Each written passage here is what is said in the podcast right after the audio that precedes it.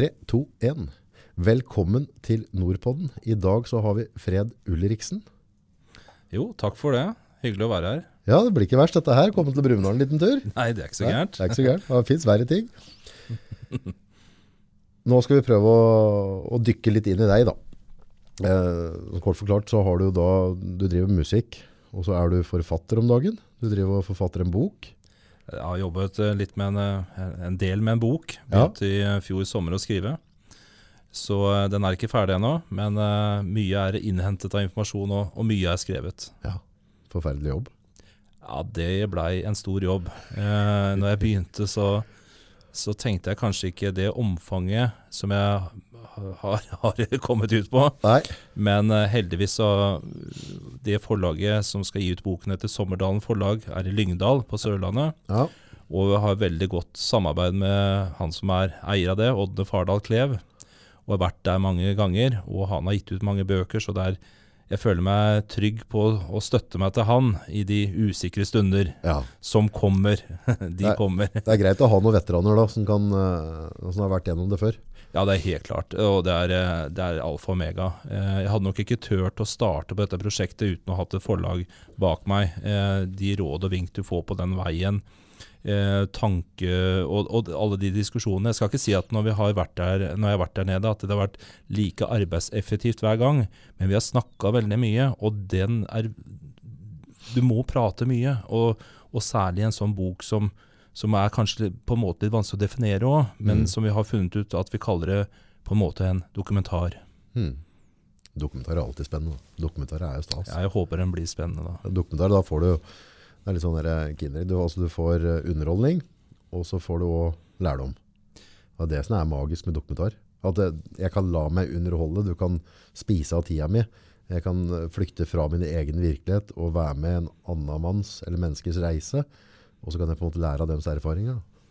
Ja, og eh, her dykker jeg jo ganske langt tilbake i tid òg. Mm. Eh, og det er eh, mye å lære seg, og, og på en måte et, kanskje et helt annet tankesett som var før. Mm. En annen verden å forholde seg til. Og så går vi fram til omtrent datoens dag.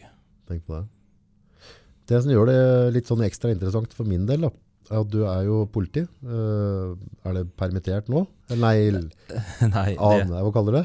Du, jeg, eh, jeg, hadde, jeg hadde permisjon et års tid, og jeg kaller det nå at jeg har tatt en pause. Ja. Så det betyr ikke at jeg ikke kommer tilbake. Nei. Så, så dersom veien Ja, vi får se hvor veien går. Ja. Men jeg har tatt en pause fra politiet. Mm. Hvordan starta den reisen fra da ungdom og, og altså, utdannelse? Hva var det som gjorde at du gikk den, det kar... Altså, nå driver du musikk og er forfatter, men du har jo da tatt et ganske annet karrierevalg da, med å, å jobbe for staten og som politi. Ja, det er klart. Det, det har jo vært fra Altså, jeg vokste opp i, i Horten, jeg er fra Horten, og gikk nå min handelsskole. Handelsskole. Og før det så var jeg med faren min og jobba som snekker hver eneste sommer og alle fridager, og jobba et lite firma, snekkerfirma.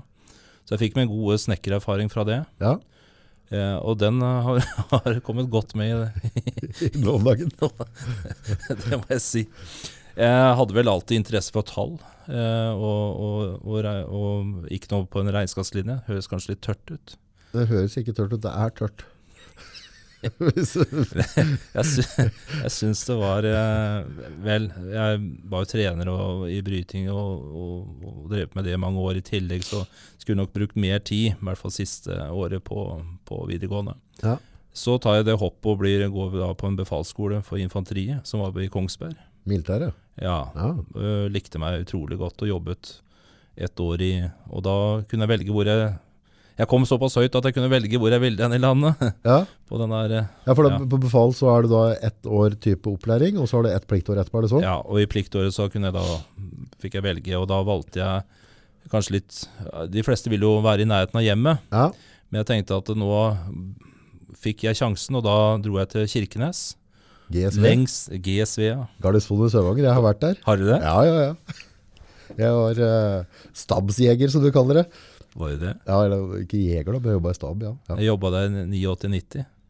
89-90, jeg tror jeg 96. Ja. 5-96.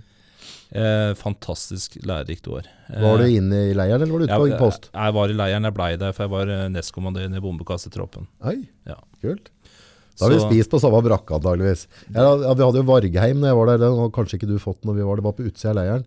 Nede er dump på høyresida som satte opp et nytt som velferdssenter. Ja, jeg tror, de, jeg tror det var under planer når jeg var der. Ja. Jeg har vært der oppe nå noen ganger eh, seinere, og jeg har sett det. Men jeg har Ja. ikke vært inne der. Det har jeg Nei. Nei, for da når du kom inn porten på høyresida, så hadde du langbygget der, og nede i kjelleren der så var kantina, vet jeg. Ja. første etasje. Ja, ja, ja, stemmer det. Stemmer det. Mm. Så spennende. det har jo vært gått vaktrunder og ja, ja, ja, klokka ut på husa ut der. Og. Tenk på det, du. Verden er ikke større. Ja, den er ikke større. Jeg hadde jo egentlig tenkt jeg skulle ut på grensa, og så, for der oppe så lurer jeg på om vi hadde to halv, tre måneder rekkerut. for at du skulle da være det du kalte grensejeger. Ja. Så det var litt lengre rekruttid der. Uh, og da møtte jeg jo andre gutter som kom hjem på permisjon. Uh, og da fikk vi høre at det var en blank løgn, det at, uh, at du fikk mulighet til å jakte, eh, kjøre skuter, og fikk ekstra perm. For de hadde for lite folk utpå der, så du satt bare på den der stasjonen. For hvis du ikke var på vakt, så var du på bakvakt. Mm. Så jeg fant ut at det var mye bedre å kunne svinge turen ned til Kirkenes innimellom. Da var leiren. ja, og det Jeg veit ikke hva som endrer seg, men jeg tenkte at Kirkenes, det, der skjedde det en del. I hvert fall den gangen jeg var der oppe. Men jeg har vært der i ettertid, og ja da, det er Ja. hyggelig der. Men eh, ja. Hadde de Gorby og Ritz, tror jeg det het når jeg var der. Disse to utstedene som var liksom det het noe annet jeg var der. Men jeg, jeg, jeg har navnet i Ja. hodet, men jeg husker det ikke helt. Bomma at du ikke husker det. ja, det, Det er ikke mange soldater som husker eh, Vel, på vel. kvelda der, gjør det? Nei, nå var jeg jo befal, da. Vet du. Ja, du måtte opp for det. Ja, Ja. litt. Befalsmessa var det på utsida-leiren, var det ikke det? Jo, Jo, stemmer det. Og det er der vi bodde da. Ja. Mm. Så da hadde du ett år der oppe, da? Et år. Ja. Fantastisk år, altså. Jeg hadde en fantastisk uh, løytnant som sjef. Eh, lærte utrolig mye av han. Så eh, ja, det var, eh, det var fint, altså. Var militæret med og forma deg litt på videre veivalg, tror du? Kanskje. Ja. Men jeg tror på en god måte. Mm. Eh, Det er jeg ganske sikker på. Det er klart, det som er litt spesielt med militæret, som jeg tenker at i dag er det jo mange som ikke går inn den Mm. veien, eller får, får den, det er den sosialiseringa som skjer. Det å være sammen med andre når du fryser. Mm. Det å, det å kjenne på det, det å dele rom med fem andre, fire andre, det å lære den sosialiseringa, det lærer du faktisk aldri noe annet sted. Det er ikke noe utdanning du kan ta. Det må du selv eh, erfare. Du må erfare hvordan det er, for dere står helt likt i det. Mm. Alle fryser samtidig. Og da må vi få opp det teltet sammen, hvis vi skal klare det. Og det samarbeidet der, det er ganske unikt. Mm. Eh, det likte jeg godt med Forsvaret. Og ikke minst at du må stå på morgenen om du ikke syns det er noe morsomt. Ja, det er, og det Altså, var du, kan, viktig. du kan jo være sånn du lærer deg å re opp senga og dra deg på morgenen. Og det tror jeg mange yngre gutter har egentlig godt av. Jeg hadde helt klart godt av det. Eh, men det, det er liksom, for det er jo ikke noe valg når det er Forsvaret. Det er opp. Ja, det, det er opp, og, og, og, og, da, og du skjønte du måtte opp, for det, du måtte ha frokosten. Mm. Og jeg var ikke noe spesielt glad i lever når jeg var hjemme, Nei, men eh, leveren den, eh, den, den ble jeg godt kjent med på Heistadmoen, du lærte deg liken. da li, lærte jeg like den, altså. Ja. Så det liker jeg veldig godt i dag. Fløy du opp med Hercules du òg, eller? Eh, av og til. Ja. Av og til, ja. Ja. Så det var jo en fantastisk flyreise. Ja, sitter inne på sånne kurvstoler baki der. Og ja. det bråker jo. Ja, det var, og da kjørte vi, og jeg husker den turen. Håndheld så det drypper vann og Ja, altså opp og ned, opp og ned. Vi skulle lande alle steder. Ja, ja, ja. Og det var like trøkk Det tok så lang tid, vet du, ja, den. Like trøkk i trommehinnene hver gang. Ja. Ja, nei, det var, eh, var fint, det. Um, ja, jeg, når jeg var der oppe, så, så snakket jeg med en bekjent som spurte om jeg hadde søkt Politiskolen. Eh, det hadde jeg ikke gjort. Jeg spurte om den søknadsvisen var gått ut. da. Det var den. Mm. Så jeg dro sporenstreks ned til eh, Kirkenes politistasjon Oi. og spurte om det var mulighet til å søke.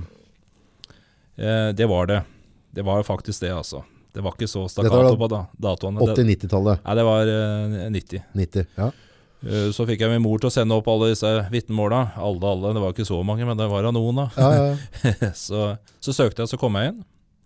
Uh, nei, eh, så enkelt var det ikke. Jeg var til, var til intervju. Og hvis det gikk bra, så fikk du vite at du kom til fysisk opptak. Ja. Men da hadde jeg bihulebetennelse, så tenkte jeg da var den ryket. ja ikke sant. Men så blei det fysiske opptaket gjennomført i Oslo, så jeg fikk gjennomført den. Så var det å gå og vente litt spent, og så kom jeg inn der. Jeg hadde ikke Altså, jeg hadde fundert på å bli mange ting. Jeg hadde litt lyst til å bli lærer. Eh, jeg søkte vel en, en regnskapsjobb når vi var ferdig med handelsskolen, bare for å se. Eh, så, så, hvilken veier jeg skulle, det var litt sånn. Og da tenkte jeg jeg kan søke politiet og så se om, om det er veien. Mm. Og, og, ja, trivdes eh, godt med det. Politihøgskolen, åssen er dette funker? Altså Den gangen så var jo politiskole eh, det var en etatsskole, dvs. Si at du fikk lønn under utdanninga. Okay. Ja, Så da gikk du eh, omtrent to år på skole.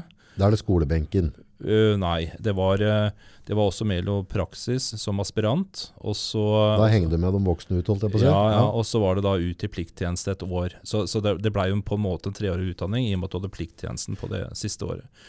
Og Politihøgskolens uh, første kull uh, som ble uteksaminert, var det jeg tror det var 1995. Ja. Eh, de hadde jo en annen. Eh, det var ett år på skolen, og så var det ett år i praksis. Og deretter ett år på skolen igjen, som er nå en bachelor. da.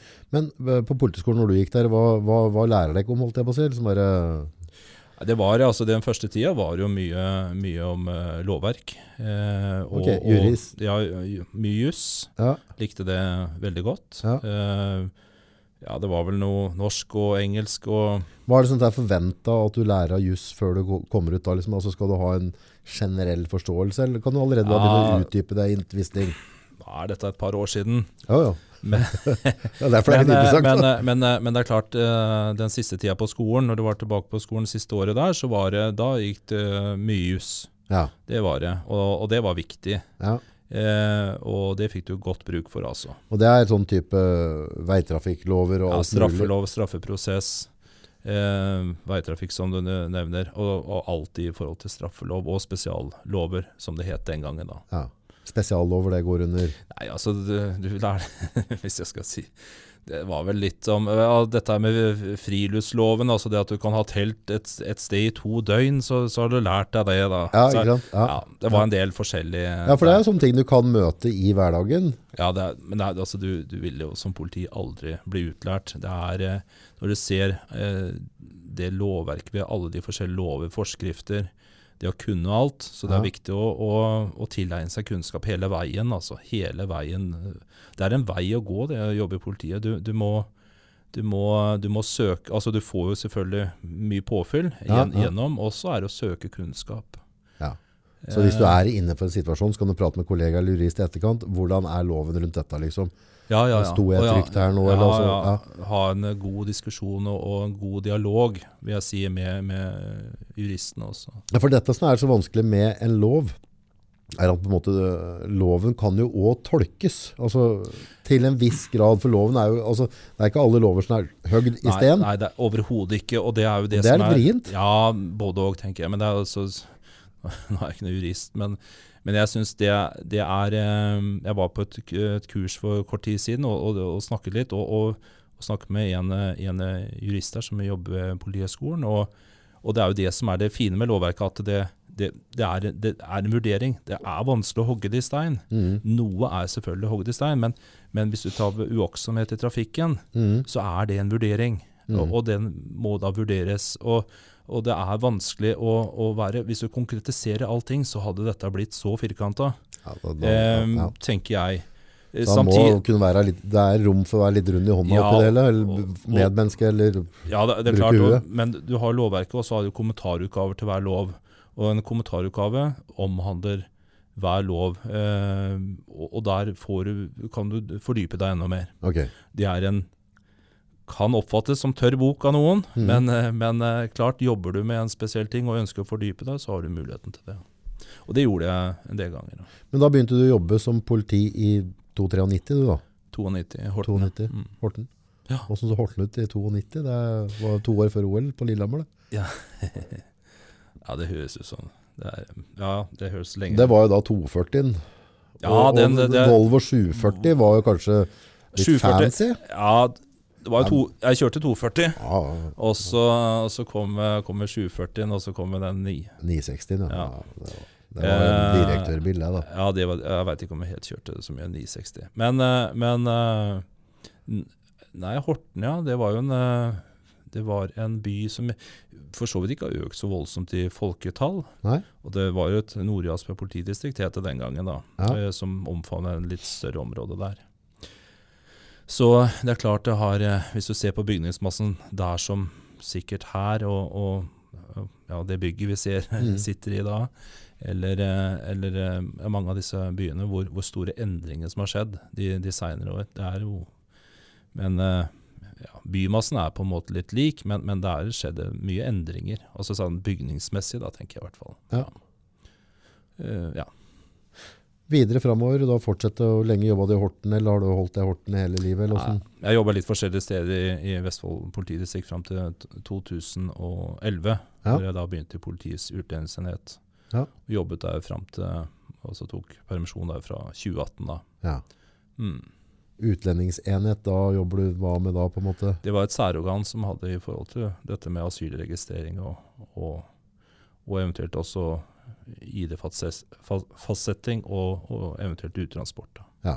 Så da på en måte når det kommer da nye inn til landet, så skal de innom dekk på en måte og, og få registrert seg og Ja, så blir det behandling gjennom UDI og, og gi tillatelse til å få opphold i Norge eller, mm. eller ei, da. Ja, det har jo mange år eh, som politi, da, og så, og så begynner vi å skrive. Ja, man gjør jo det. eller gjør man det? Ja, men det, det som er kanskje litt fascinerende her, er jo på en måte at Hadde du skrevet en bok om, eh, om livet ditt som politi og det du har opplevd i den fasen, så, så hadde det vært enkelt å forholde seg til. For det, forventer jeg jo. Ja, det er- det hadde vært mye enklere for meg òg. Ja. Det, det hadde det vært. Ja, Men du skriver jo ikke om det. Nei, jeg tar med en, del refleksjoner rundt det. Ja, Gjennom eh, de erfaringene jeg har hatt, eh, både som politi og, og litt i menneskelige erfaringer. Jeg har vært mye trener, mange eh, både med bryting og ja, litt andre idretter. også. Men eh, det var det som bandt livet mitt. da. Begynte med det da jeg var fem år. Så eh, og, og, og var med og, og var trener og leder og litt forskjellige verv, da. Ja. Eh, ja, det blir en bok. eh, og jeg skriver ikke om meg. Jeg skriver om min eh, Jeg sier bestefar. Jeg, Mhm. jeg liker det ordet mye bedre enn farfar. ja det er jeg enig i. Jeg Farfar er jeg- klønete. Jeg syns bestefar er litt nært. Ja. ja, farfar er, det er- det er et ledd lenger ut, det. Ja, det, så det med bestefar det, ja, Jeg likte i hvert fall det ordet. Det, var det dattera mi sa? Og så, um, hva heter det, da har du hatt det bra til bestemor i helga? Si seg sjøl. Det ligger jo i tittelen hennes. Bestemor. mm. Så klart jeg har det best der, sa Det lå i tittelen hennes. Ja, det, det- ja. Ja, og det eh, snakka litt med, med fetter av meg, og, og vi eh, Bestefaren min han eh, bodde i Holmestrand, vi bodde i Horten, men vi var der ganske ofte. Mm. Og vi eh, barnebarna, da, vi var, vi var noen, eh, vi, vi ønska å være der. Og det, vi, så det gikk litt på rundgang og tur. Så Ja, ja. hun, og det er klart, det var den gangen bestemor lagde maten. Det var det. Ja, det var det. Og det var eh, ikke noe tull. Nei da, og det var alltid velkommen der. Det var kjempekoselig, altså. Det, de, bodde, de bodde på et bedehus, han, han jobba som litt som pedell, som det het. Altså, Pedell, var det ja, det er vaktmester. Oh, ja, Brukte man det ordet før? pedell. Ja. Og det, det var litt spennende, for det var litt eh, stort rom der, og det var et piano der nede, og vi, og det, vi kunne eh, boltre oss litt, da. Ja. Ikke altfor mye, men boltre oss litt der. Og så, eh, så vi dro eh, Han sykla ofte, og jeg satt bakpå der, og vi sykla noen turer, og ja, det var kjempehyggelig. Og, og Drammen var jo hans by som vi besøkte ofte, og det å ta bussen til Drammen med de blå bussene og det store hvite rattet, Ja, ja, Det ja det var sånn sånn ja, sprøkkende ratt. som du, som du tenkte på, åssen det smaker det rattet, liksom. Ja. det, og så var det og, og, Ja, det var, det var kjempekoselig. Og han eh, Han hadde Altså, han, han hørte dårlig, Ja. og han eh, stilte etter høreapparatet eh, ofte. Det peip noe grusomt med de gamle høreapparatene. Eh, hadde vel den fordelen at blei vi for ble det for mye støy, så kunne man Det var, det. var jo en fordel, kanskje det. Ja. Men, men det er klart, eh, se på et av diktene som han har skrevet, da, så, så er det klart at han var eh, Det var tungt for han. Og det er klart, i den tiden han vokste opp på eh, Han var ikke født døv, han blei det når han var elleve år. Ja. Litt usikkert hvordan. Noe blir sagt at det var noe betennelse og noe slag over øret, og noen sier at det var slag over øret. Jeg har ikke klart å, å, og, finne ut direkte hva som var årsaken. God gamle ørfiken, tror du? liksom? Eller er Jeg tror det var eh, to hender over øret. Okay. Jeg hørte at han hang på en slede en gang, og så ble han som kjørte sleden sur, og så tar han begge Ja. Om det er tilfellet, eller Men det er det som er sagt. Eh, eh, og det er klart, når du har hørt da fram til 11 år, og er i en sårbar alder, Ah. og det er samme året hvor de da flytter fra Sørlandet, i 19, eh, 1923 Ja. eh, fra Svinør til Holmestrand. Og da skal du komme til Holmestrand da med en Ny skole ny skole, en dialekt fra Sørlandet. Nå øh, snakket jeg med øh, noen der i Holmestrand, og det viste at det var mange vestlendinger som kom til Holmestrand på den tida. Okay. Eh, en del bønder Aha. som kom dit. Eh, og eh, så fikk jeg høre at det, denne, altså min, min familie, altså min slekt, da, hvordan du sier det, eh, at de blei litt mobba for dialekten sin. Og jeg stussa litt i forhold til det, i og med at, uh, i og med at det kom en del vestlendinger også. Men mm. uh, det er nå det som er sagt, og om det er skrevet i stein, det vet jeg ikke. Men, eh, men jeg syns det hørtes litt interessant ut. Så Men det med hørsel, jeg tror Én ting er på en måte at du hører lite, men de sier eh, mye eldre da, som får hørselproblemer, kan bli litt irritable og litt ampre og gå litt inn i seg sjøl. For at eh, det vi kan Idet du har en god hørsel, så klarer du å sortere litt. Men sitter vi flere og tjatter rundt et bord og klinker og Mm. planker, mm. så, så istedenfor at det blir lyder, så det de hører kan oppfattes som støy. Ofte da gjennom hørselsapparatet òg, da. At de kan sånn, trekke seg litt tilbake inn i seg sjøl. At, du- at du blir liksom ikke helt med i samtalen. At du, nei. Du føler at du, at, Uten at du bevisst kanskje føler deg litt utafor. Jeg var eh, Jeg blei 13 år den sommeren han døde. Ja. Jeg fyller august, han døde i mai. Eh, så jeg var et barn eh, på vei til å bli en ungdom. Mm. Eh, så jeg, jeg tenker at det, altså, det er nok fordi at jeg var i den alderen at jeg ikke tenkte så mye på den settinga der. Mm. Men jeg husker når de var hos oss til jul og vi var flere, og sånn, så kan jeg aldri huske at han var noe irritert. Ok, nei. Jeg, kan, jeg, jeg, jeg tror han aldri har heva stemmen til meg én gang. Nei. Jeg har snakka med, med fetteren min, han har hørt den gjøre det, men Ja. jeg, jeg, jeg kan ikke huske det. altså. Men er det fordi at jeg var sliten at jeg glemte, eller er det Men jeg tror jeg var en liten snill kar Mm. som syntes det var spennende å høre på han og uh, høre historier. Ikke det at jeg husker så mange av dem, beklageligvis, da, men, men den der nærheten der, den likte jeg godt. Men gjenlever du bestefaren din litt gjennom dikta hans nå? Ja, jeg tror det. Jeg Tror nok jeg er på en søken. Eh, og det er klart, når jeg Når jeg nå har brukt mye tid Mm. på diktet hans, eh, så, så får du en nærhet der, altså. Eh, jeg liker mange av de ordene han brukte. Ja, så kan man si at noe språk er gammeldags. Men jeg tenker at uh, bør vi alltid bare bruke nymotens språk? Kan vi tillate oss å høre noen ord som har vært før?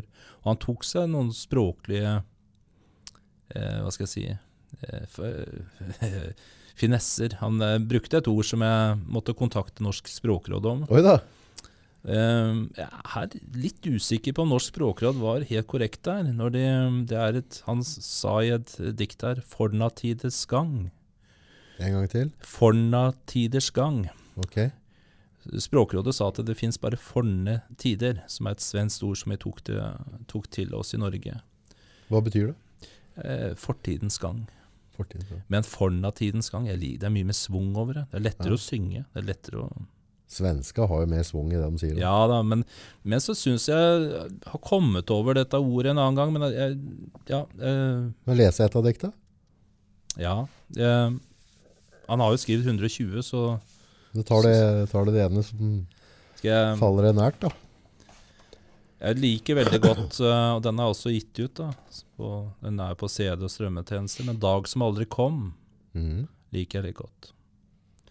Så mange av dager var like, alltid det samme jag, og aldri du riktig fikk gripe din givende, flyktige dag. Alltid var du på leting, og var der bak blående fjell. I drømmenes flukt du søkte, noe du spant i deg selv.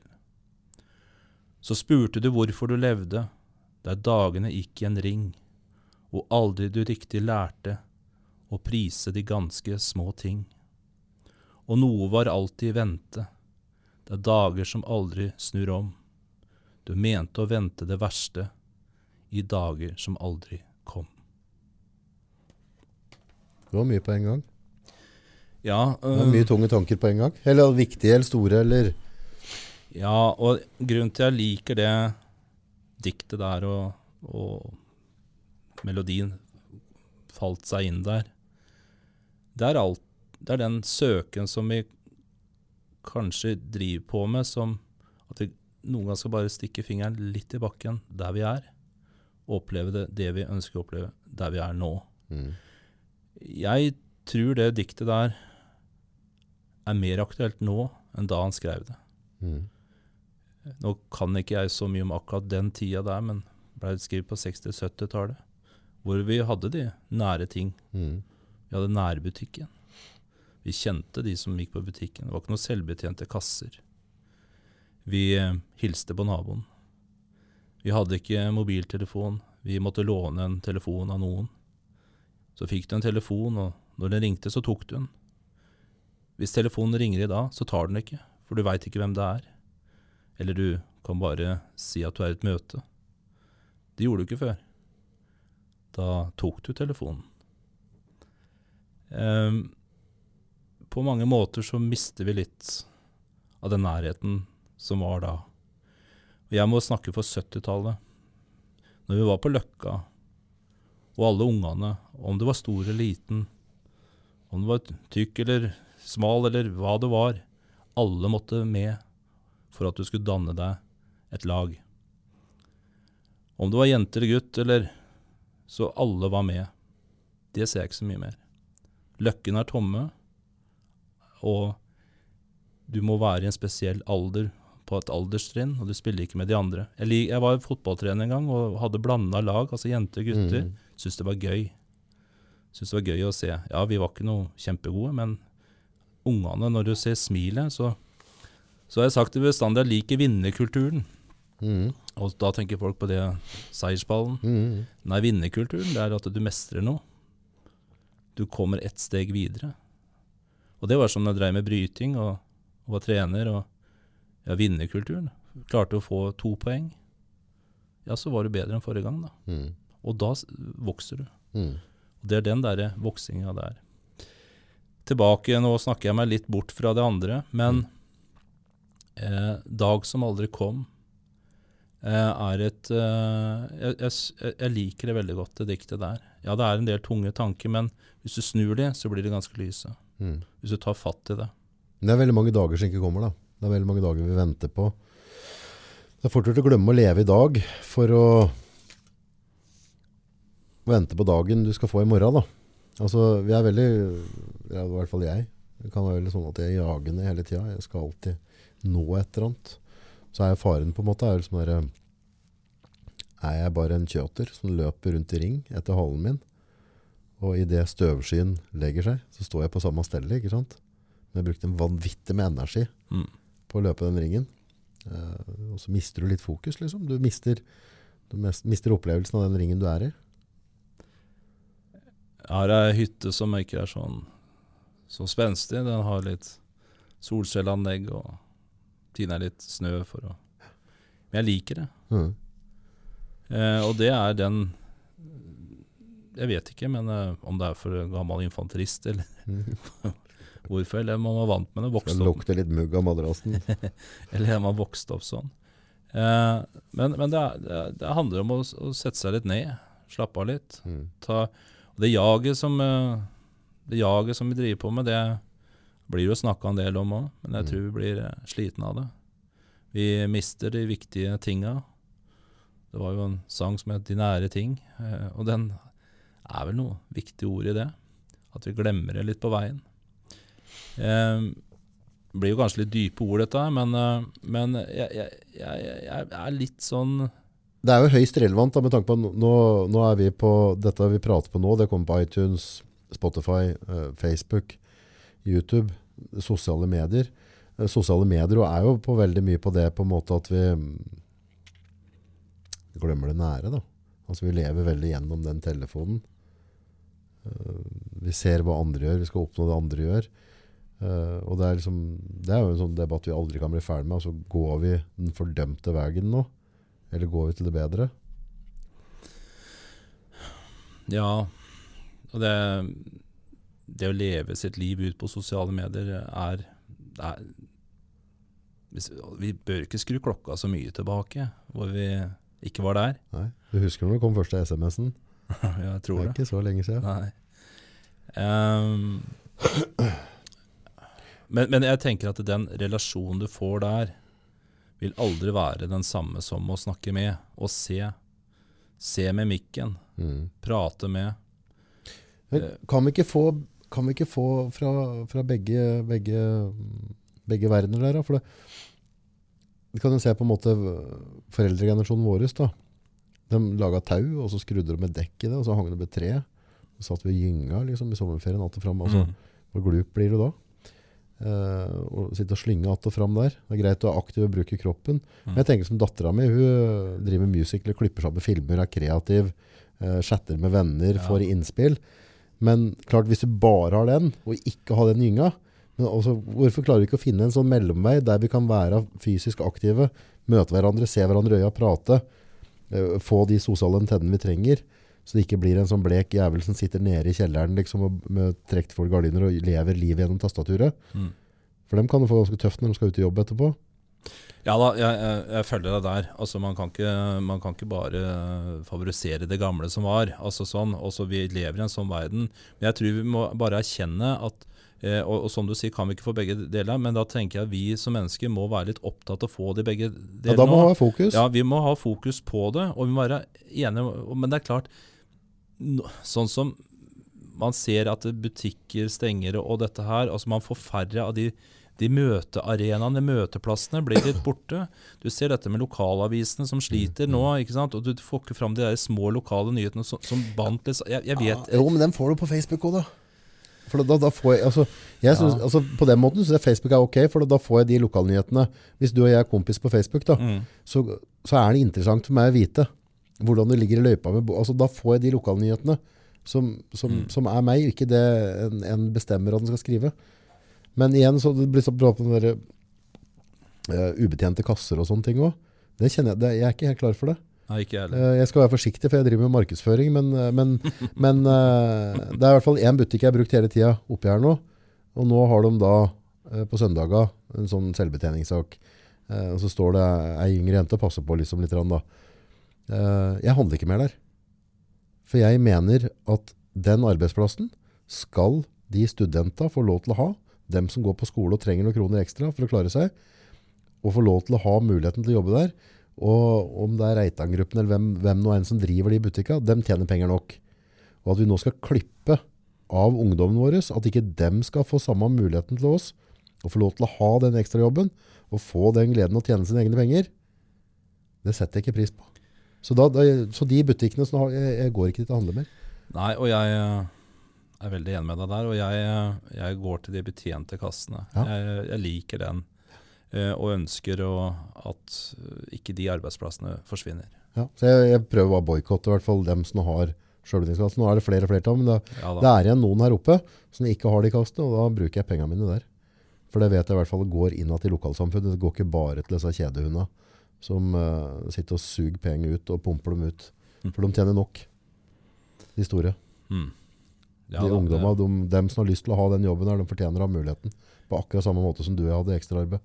Men jeg tenker at vi med netthandelen og så må vi tenke oss litt om i forhold til hva ønsker vi å bevare, og, da, og det å støtte opp under. Ja. Og, og kanskje nå mot jul da tenke den lokale handelen, hvor viktig den er. Mm. Uh, og legge igjen kanskje penger på de lokale stedene. Mm. Mm. Ja, det er altså det er, det er rettferdig. Skal vi Ja. Jeg, jeg syns det, da. Mm. Ja, for det, det, altså jeg skjønner det på en måte sentralisering, gjør at ting. Det, det gagner meg og deg. Vi får billigere melk, vi får billigere ting. Men på et eller annet tidspunkt så begynner det å skade generasjonen under oss. For du, vi, vi har arbeid, du og jeg. Det er ikke noe synd på oss. Men det er, det er noen tarmtotter som kommer etter oss. Ja da. Eh, Det er jo og, det. og jeg syns de òg skal få lov til å ha noen valgmuligheter. Ja da, jeg, jeg er litt bekymra for det. Og jeg syns det er viktig, den der eh, servicehandelen. eh, og, de, og de som går den veien og, og, eh, og tar denne utdanninga og, ønsker å være i det serviceyrket. Mm. Så, så, så aner man litt sånn Hvordan er vi om Nå er vi der. Hvor Mm. er vi om ti år? Og kunne vi for ti år siden at vi si at vi var her? Nei, det tror jeg ikke. Og hvor er vi da? Hvor vil vi hen? Og det er kanskje noen Kanskje det kan man savne litt i diskusjonen i politikken. Mm. Eh, at man tar opp de spørsmåla der. Eh, hvor vil vi hen? Mm. Eh, den debatten Det er mulig ikke jeg har fått den med meg, men jeg har i hvert fall ikke fått den med, altså, hørt noe om skjer den? Altså hvor, hvor er vi på vei? Mm. Altså Ikke skyt meg på, på årstallet, men det var tidlig 1900. Så ble det regler i USA på hvor lenge lyspærer kunne få lov til å lyse. Altså Du har jo lyspærer som lyser på brannstasjoner i USA ennå, som lyser på over 100 år. Teknologien ligger til stede, så vi, vi trenger egentlig ikke bytte lyspære. Men det ble lagt inn retningslinjer, så Osramo måtte forholde seg til disse reglene der. For mange timer en pære kunne lyse. Grunnlagen var for at det skulle være jobb til folk. Ikke bare at dem som eide bedriftene skulle sitte og tjene penger på det, men det måtte være sånn at du kunne holde folk i arbeid i USA. Og, og da tenker jeg, det var en grunn til at de gjorde det, for at det ble for mye arbeidsledighet. Og folk må ha jobb, altså ledegang er roten til alt vondt, ferdig snakka. Mm. Uh, og så begynner vi nå med selvbetjente kasser. Skal, skal vi prøve, altså må vi prøve alt på nytt? Er vi nødt til å finne opp hjulet på nytt støtt? det, det tror jeg vi mennesker er utrolig gode på. Vi Hva er dette her for noe? Ja, det, det stiller jeg en det, det ser man en del ganger. Ja? Eh, at man skal prøve ting på nytt, ja. Og Ja. så er det prøvd før, og så kunne man satt, Satt, Ja, man kunne gjort som i regnskap når man satt sum, og så dobbelt strek, og så er vi enige. Ja. Nei da. Det er vel eh, ja, litt merkelig. Mm. Men eh, Nå har vi sklidd helt ut. Forfatterskap, dette, vi kommer til å skli mange ganger til, og det er bra det. Det er stas. Men fascinasjon om å finne ut om fortida til bl.a. bestefaren din og den interessen du har der, hva er det for noe? Hva, hva, hva er det som driver deg til å bruke hundrevis av timer til å dykke ned i arkiver, lese gamle brev, ta kontakt med Språkrådet for å finne ut av ord? Hæ? nei eh, Det er jo etterforskning du driver med. Å ja, men det, det, det har kommet godt med. Ja, Ja, det har kommet Systematisk. Ja, ja det, det har kommet veldig godt med. Eh, Får håpe herr Klev i, på Lyngdal er like enig. ja. Eh, fascinasjon, ja. Han eh, gikk jo alltid og nynna på dikt. Mm. Uh, syns jo det var litt fascinerende. Og det var en bestefar. Og jeg syns, hvis vi går litt tilbake, da Dette er jo en kar som uh, skrev dikta ja, tilbake til 50-tallet. Han var født i 1912. Eh, og kanskje før det. Eh, du hører dårlig. Mm. Du maler eh, malerier, Mm. og du lager dikt. Mm. Du blei vel kanskje ikke sett på som den tøffeste mannen i gata? Nei, jeg var, Jeg, jeg syns det er et litt spenstig valg, å tørre å gjøre det. Men han var en staut kar, Mm. det må jeg si. Likte å fiske. Han var litt spesiell når han fiska, for han holdt alt på sånn tvers over. Og Hva var det. En eh, tvers over. Altså, han hadde ikke slipp. så- ja. Han hadde skjorte, sto alltid i skjorte og fiska. Oh, ja, ja, ja, ja, Ja, eh, vi, ja, vi har noen morsomme bilder eh, av det. Eh, så jeg, jeg syns jo det er litt fascinerende. Det, det har jeg tenkt på seinere tid, tenkte ikke på det tidligere. Da gikk han bare og nynna uh, og, og skrev dikt. Og det var min, eh, min bestemor, Kirsten, uh, som, som renskrev dem og sendte dem til avisene. Så jeg kan tenke meg når de kom i avisene, og de, de klippa dette uh, ble flittig det ut publisert. da? Ja, publisert en rekke aviser, og særlig i Drammen, nei, Buskerud og Drammen Ja, tidene, ja, sikkert. ja, het noe sånt noe. Og det, den har også vært Det har seinere også blitt publisert på, på, i Stavanger-området og, og i, i Vestfold, nede på Sørlandet. Og i et blad som blei da eh, publisert også i USA. Eh, Norske Tidene heter vel, hvis ikke jeg husker feil. Mm. Eh, men det visste jo ikke jeg den gangen. Eh, første gang jeg tar i begynner å, å, å se på dikta, eh, det var jo var 16 år. Eh, og jeg ja, jeg kjørte motorsykkel. Jeg tok lappen på 100 kubikk. Og Og Og var bryter. CB100, eller? Var det, nei, var, eh, er- var det ikke RS 100? Yama RS 100, Ah, ja. den blå. ja. Er det den som har tosylindere? Nei. Nei, det var kanskje én. Ah, jeg tror det var Nei, det var en annen enn det. Ja, jeg tror, ja, husker jeg ikke. samme, ja. Men uh, jeg pussa mye på den sykkelen. Ja. Det var fantastisk tid. Det må jeg si. og og jeg, ja, jeg begynte å spille gitar tidlig. Eh, broren min han, eh, han spilte litt gitar, og jeg hadde en bitte liten bassgitar. Jeg solgte den dessverre. Den skulle jeg gjerne hatt i dag. Det var en, eh, men det var sånn den gangen. Det var litt morsomt, for at det, alt ble solgt sånn på rundgang. Jeg vet ikke om du kjenner til det? Vi hadde en gammel sånn gressklippermotor som vi prøvde å lage som en, sette på en, eh, en olabil, og så skulle vi kjøre. Og den, eh, den maskinen den tror jeg gikk gjennom. Og så, så kommer den tilbake igjen, og så blir det solgt da kanskje for ti kroner Ja, mer. eller hva det var. Ja, ja. Men i hvert fall, jeg begynte å spille gitar da, og, og, og var selvlært. Jeg begynte i 11-årsalderen, sånn mer seriøst å øve litt og sånn. Og da jeg var 16 år, så spilte jeg sammen med en eh, kamerat, Torbjørn Kremer heter han.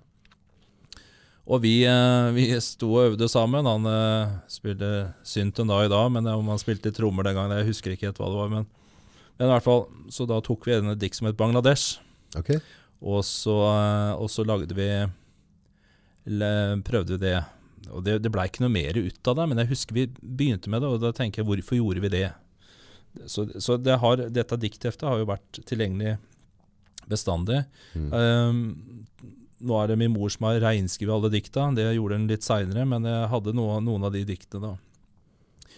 Eh, alltid holdt på med gitar, eh, sånn til og fra, men, eh, men jeg tror jeg allerede i, begynnelsen av 20-årsalderen begynte jeg å forme en del av de som jeg ga ut i, Mm. i fjor. Så det er mange av de melodiene som har vokst i, i 30 år. Mhm. Eh, skal langt fra alle. De har, så etter hvert så kommer flere og flere, og det er det som er litt rart med disse dikta. da. Fordi at, eh, Sånn som et dikt som jeg hadde sittet og sett på i lange tider og bare savna melodi, og så kom melodien. Mm. Det høres sånn litt Ja, rart ja, ut. Så kom den på en måte i fingrene mine eh, eh, for 14 dagers tid siden. Eh, en som heter Torgils Gundersen. Han er artist og reiste mye rundt i, på, ja, på 60-70-tallet. Han uh, satt i, uh, i Sandefjord i 69-70. Hadde vært og spilt der. Satt til frokost og åpna en avis, og der så han et dikt som het Røsling. Um, vi var på NRK Nordland nå. Røsling, hva betyr det? Det, det, er en, det er jo nasjonalplanten til Norge fra 1976. Oi. Ja, ja. Ja, historietiden. Ja, dette. ja. Så det er en plante, altså? Det er en plante. Blomme eller Røsling, plante? ja. ja. Eh, Om det er nasjonalplante eller blomst altså, nå, Ja, ja, ja, ja. I hvert fall. Det er veks. Men eh, Og da sier han som så at melodien bare, bare lå der. Den kom til ham med en gang han så diktet. Hm. Så han eh, ga ut denne her. Um, han ga ut denne eh, denne på om det, det husker jeg ikke nøyaktig når han ga ut den LP-en, som det var den gangen. Det er jo noe Syns jo dette er litt trist, det med strømmetjenestene. da, sånn Ja. kassettene, LP-ene. Du holdt liksom artisten i handa, du leste litt. Savner jo litt det. Ja, ja. Ja, så kan man. Men i hvert fall. Um, og jeg satt og søkte på bestefaren min i 2005 eller noe sånt nå. Så jeg hadde, ikke sant, det er mange år siden, så jeg, hvorfor sitter jeg og søker på han da? Eh, og, og, og var litt ute etter diktet hans. Og da, da dukka opp eh, på noe som het Lånte fjær. Så dukka det opp at Torgils Gundersen hadde gitt ut røsling Eh, så, ehm, så søkte jeg da opp på Spotify etter hvert. da, når, eh, og så sier jeg at, eh, og den gangen på Spotify så var det sånn at der sto også tekstforfatteren. Nå gjør jo ikke det lenger, det syns jeg er litt synd. Mm. Så jeg har lagt tekstforfatteren på coveret, så, Ja, det, ja. så man ser det. Men Mm. da lå det. Så sier jeg til sønnene mine at eh, det er ikke alle som har oldefaren sin på Spotify. Jeg syns, det var litt morsomt. Um, og i fjor um, så ringte jeg til Torgils Gundersen, og eh, etter det har vi hatt masse gode samtaler. Og vi hadde dette intervjuet på radioen, sånn kort om røsling, da, nå for en uh, ukes tid siden. En uh, fantastisk kar uh, som har gitt ut mye god musikk. Det må jeg bare si. Altså. Så, så, og når jeg, han kommer med positivt til meg til musikken, så blir jeg litt Hva heter det for noe? Ja, jeg bare hører hvor, hvor dyktig han er. Men det er veldig hyggelig at han kom med de tilbakemeldingene. Så han skriver om i boka. Eh, hvorfor det? For han har en relasjon til min bestefar via dette diktet, Mm. som binder sammen. Og, eh, og eh, han har, jeg har sendt han en, en del andre dikt også, som han har skrevet, og som min bestefar Josef skrev. Så, eh, så vi har, vi har veldig god kontakt i dag. Mm. Takket være diktet 'Røsling'. Tenk på det. Ja. ja. Er du opptatt av relasjoner. Hva som gjorde at ting ble som det ble. Ja, litt. Ja. Vi prata litt på det før. At det er, liksom, det er veldig sånn små Små ting som skal til for at et liv forandrer seg veldig. da. Ja, og jeg vil kanskje si at eh, Jeg skal ikke si at livet mitt forandra seg av det, men det å tørre å ta noen sjanser av og til Jeg har aldri vært redd for å prate med mennesker. Jeg prater med hvem som helst. Ja, ja. Og det har kanskje vært min forse i politiet òg. Ja. Jeg liker å prate med mennesker.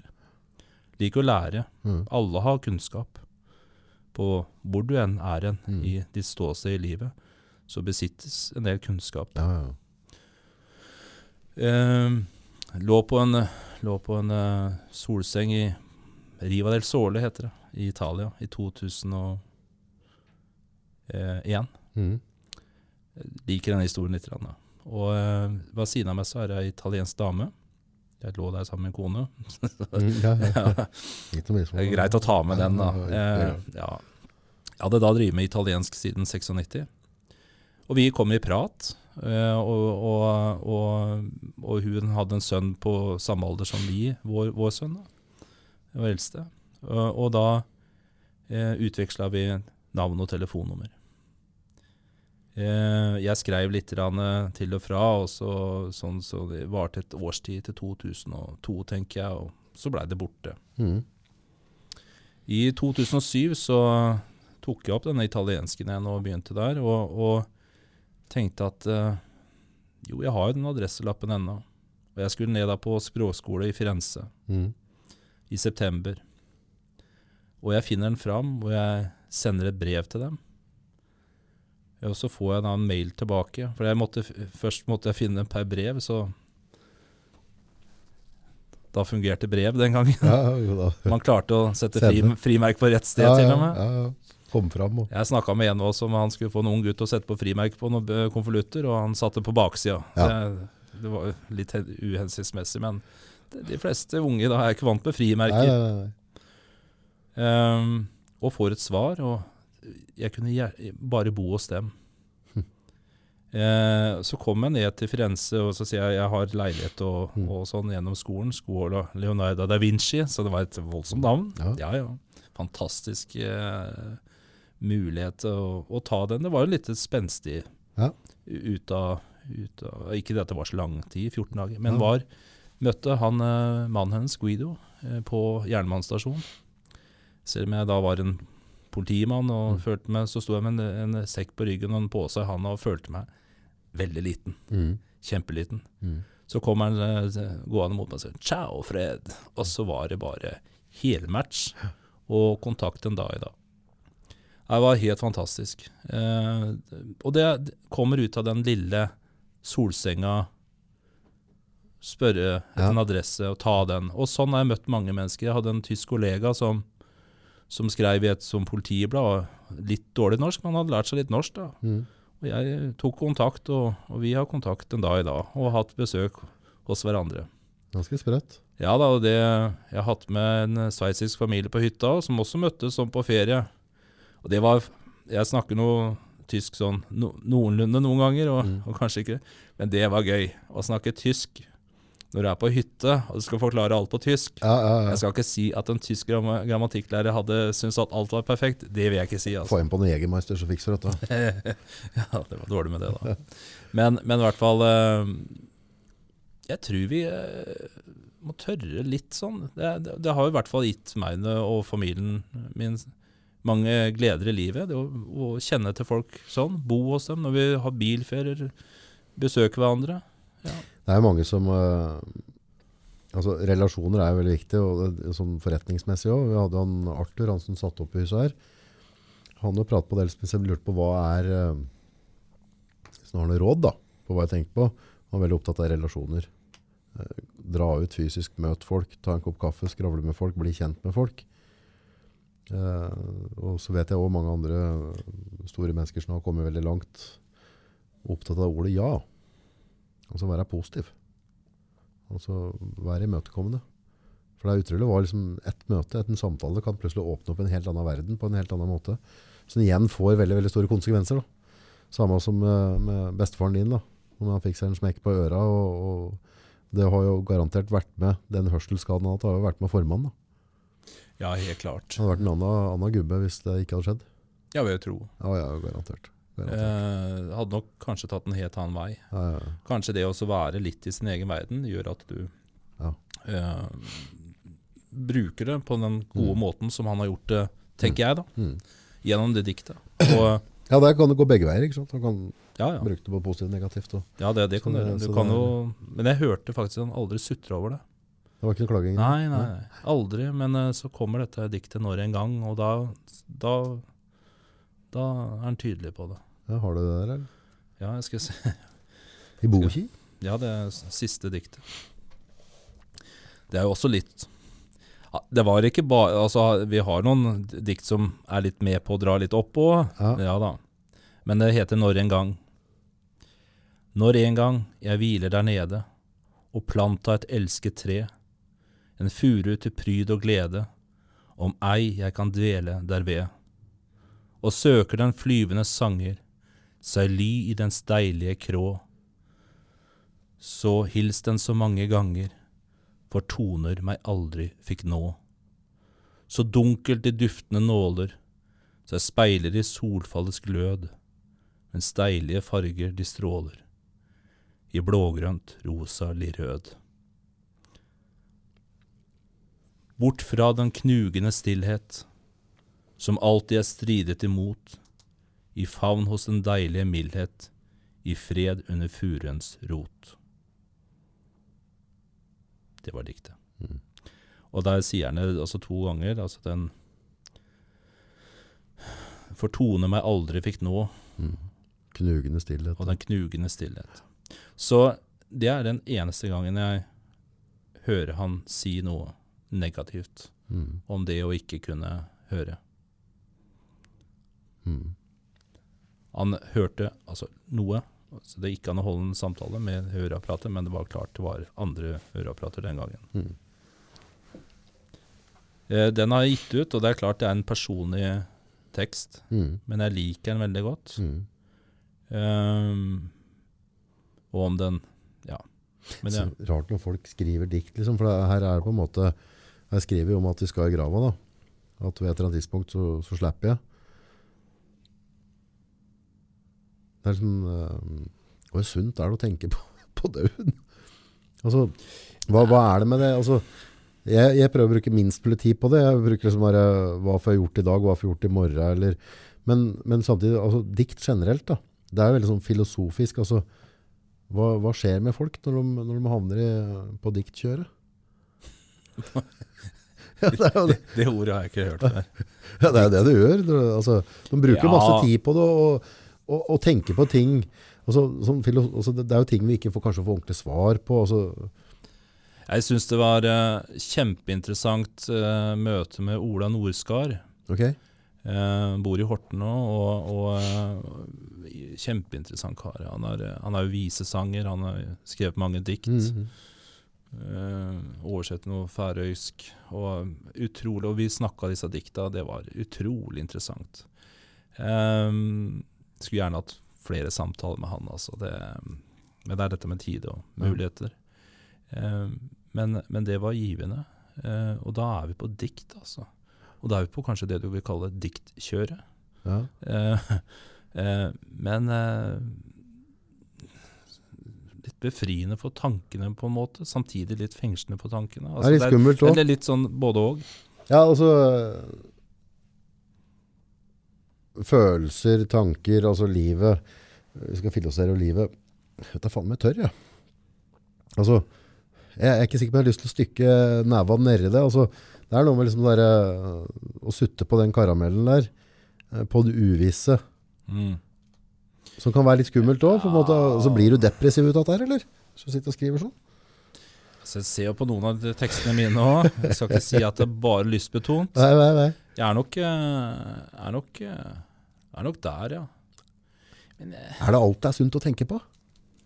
Nei, og jeg tenker at du må Altså, han, han, har, skrevet, han noen morsomme dikt, så, så, så det er viktig. Det er viktig Ja, det på- kan være i perioder. Ja, Ja. jeg, men jeg tenker er du litt nede, så, så lager du en litt nede-tekst, og er du litt oppe, så lager du den oppe. Det blir en slags dagbok, da. Ja, Det blir litt sånn natt og så sola, liksom. Altså sånn litt forenkla.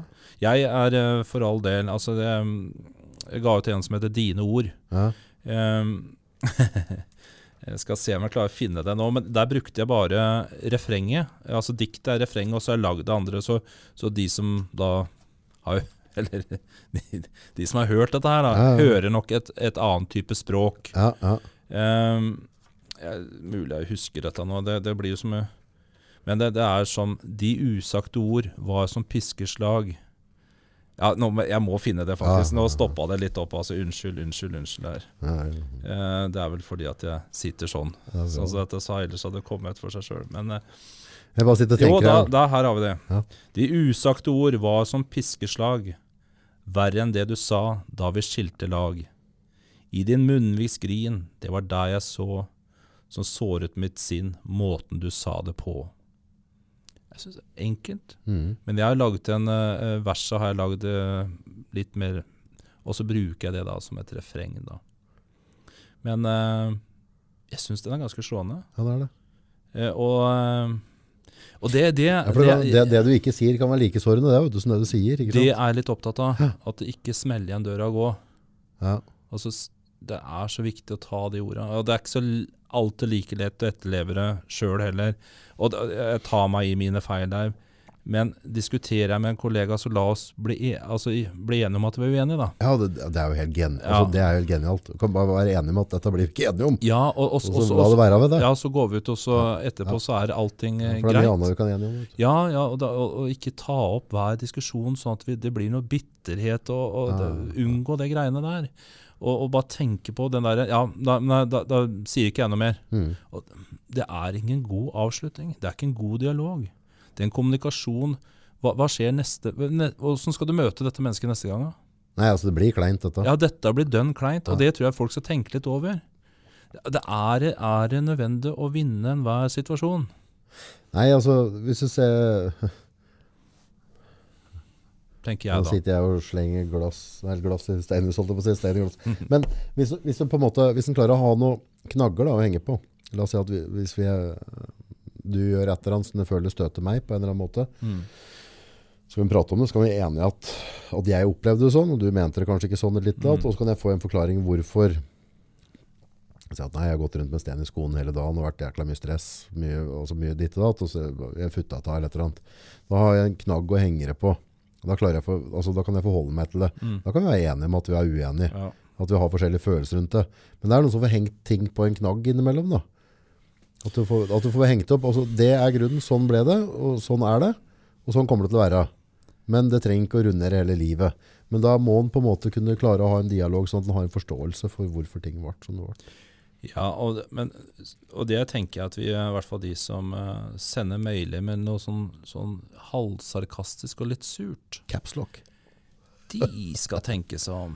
ikke er noe mimikk der. Eh, og det, det, det er samme med trusler. Det er skummel, ja. Det er samme med trusler. Hvis jeg truer deg nå, Mm. så ser du mitt ansikt når jeg truer deg. Ja, og da kan Sender jeg forholde meg til det. det var litt sånn den SMS-en med trusler. Det er mye mer skummelt å få den. Mm.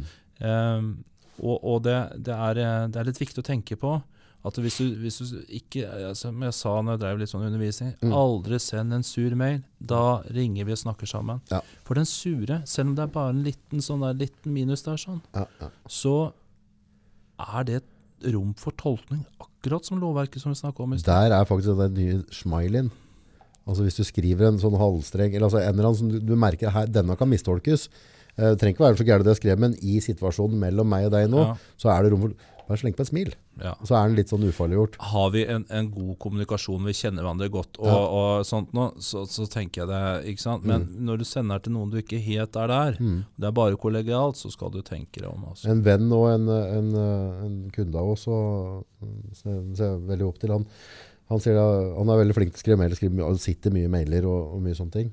Og han sier at uh, somtels, hvis han skriver mail på morgenen, tidlig på morgenen, det er en situasjon, så legger han til sides. Så leser han den på slutten av dagen før han sender den. Mm, mm, Altså der kan du gå på en smell. mm. Du er på morgenen litt lavt blodsukker, du har det travelt, du skal rekke, Ja, ja. eh, og så tu, tu, tu, Mm. slenger det på. Gi det litt tid. Må vel si kanskje sånn som kanskje er litt forandra fra før og nå, det er at vi skal jo diskutere alltid, da. Ja. Eh, og da så sier du sender en sånn mail, da, så skal du da sitte og så bruke masse energi. Kan vi ikke bruke energien på noe annet, da? Ja, ja. Kan vi ikke bruke på å skape noe, liksom? I, i stedet? Eh, og, og, Men, men mail uansett, på grunn, av, på grunn av at det er rom for tolkning. I det du og jeg, hvis vi, la oss si at jeg skal inn en jobb for deg nå da. Vi skal lage en eller annen film eller et eller annet. Og så sitter vi og prater som vi gjør nå, eller, eh, eller eventuelt over telefon, hvis vi kjenner hverandre godt nok til det. Så blir vi enige om en god del ting der og da, og så kan jeg si, ok, da blir det sånn. Da kjører vi det sånn, Fred. Dang. Så er det gjort. Men det kan vi få til på under fem minutter. Men jeg ser på mailer, så innimellom, før avklart jobb, enig, dato, klokkeslett når det skal gjøres, så har jeg sånn link på 14. mm, Altså, og så er det ikke en sånn herre problemet er at hvis du sender da, jeg sitter og sender mail, du skal ha tilbud, send den tilbake, så må jeg vente tilbakemelding. Det vil si at du er oppe i skolten min mm, inntil vi har landet den. mm. For da er, altså, du, Ja, ja, ja. så er du en løs kanon. Blir den 11. eller blir den 12.? ja, Jeg vet ikke. da bruker du mye energi. Ja, og så driver du med andre ting, og så svarer du ut på kvelden, ser den på morgenen igjen, svarer igjen, du er i og møter resten. Ja, så før vi vet ordet, så har vi dratt den der, og så hadde vi bare nappet, du, åssen blir det? Se, ja, ser kalenderen. Ja, vi kjører den 11. Men da er det viktig King. å ikke svare med 'jeg er i møte', ringer deg opp igjen. Hvor mange ringer opp igjen? Nei, den er, uff, unnskyld. Der er jeg litt dårlig å si det. Jeg, men men altså, jeg, jeg liker ikke den. Ringer deg opp igjen, og så ringer du aldri. Nei, den er ikke bra. Jeg, Nå kommer det heldigvis på ny iPhone nå, som ikke du har da, for du hadde jo sånn dinastrøvetelefon. Nei, ja. Men, eh, ha den der malet, vet du. men, eh, men eh, nå kommer det opp og sånn minne på greia at du blir minnet på. ja. Det kan være litt sunt, men det bør jeg bruke mer aktivt. Men det tok jo tid for å finne ut det òg. Ja, da, ja, da. Jeg Vi er jo ikke, vi er men, det ikke en, men det er en synd, men poenget er at hvis, hvis jeg sitter midt oppe et eller annet, og så ser jeg at du ringer, så vet jeg at den samtalen kommer til å bli eh, 10-15-20 minutter. Det er det det må til for at vi skal bli enige om et eller annet prosjekt vi skal jobbe med. Eh, Ja, og det er klart. så, så ja. sender jeg på den, ringer tilbake igjen. Og så, det som skjer neste, det er den dagen som aldri kom. Livet skjedde. Mm. Og så pakker det på seg, og så ringer datteren min, og så er det der. Og så er det en eller annen, brenner det litt bortpå her, skal ta tak i det. Mm. Så har jeg glemt deg, og så sitter jeg to-tre dager etterpå, og så, oh. Han skal Men, ringe da, opp men, igjen. men da ringer man. Ja, da, da, da ringer jeg også ja, ja, men, sorry. vi- ja, men da tenker jeg hvis du gjør det. Men det, jeg tror nok det der uh, møtegreiene har, har ikke tid nå, eller uh, jeg, jeg liker den derre Jeg kan ikke prate nå. Mm. Uh, nå er jo det sikkert brukt opp, men eh, så, og da pleier jeg alltid å skrive en eh, SMS tilbake. Er det alvorlig? Har det vart lenge? Mm. Ja, ikke sant det? Eh, det, det, ja, det høres jo ille ut, vet du. Altså, du har du mista Mm. Munn og mæle, liksom. Men, men eh, jeg gjør ikke det hver gang. Men, Men det- no, ganger Men det blir et problem etter hvert, vi blir mer og mer multitasking, og vi har mer og mer oppgaver og ting som skjer, kontra kanskje sånn som i gamle dager da. Så hadde du på en måte en jobb, og på den jobben så hadde du Mm. det og det skal du gjøre, og der satt en annen som bestemte hva du skulle gjøre. Klart. Kanskje noe mindre ansvar, men nå i hverdagen min nå da, så jeg vet ikke hvor mange ting jeg må ta en avgjørelse på hver dag, men det, det begynner å bli en del. Og innimellom så, så tyter det litt over, og så gjør jeg en sånn prioriteringsliste der og da. Uh, men det ikke jeg er klar over, da, er at du kommer kanskje ikke videre i din prosess på akkurat det før du faktisk har fått, uh, fått en tilbakemelding av meg. Og, og der du står akkurat da, så har det litt betydning. For dette skulle du ha lagt for Enten så blir det 11. eller 12., og du må Mm. nesten vite det. For du skulle vært med sønnen din på Mm. en brytekamp eller et eller annet. Ja, ja.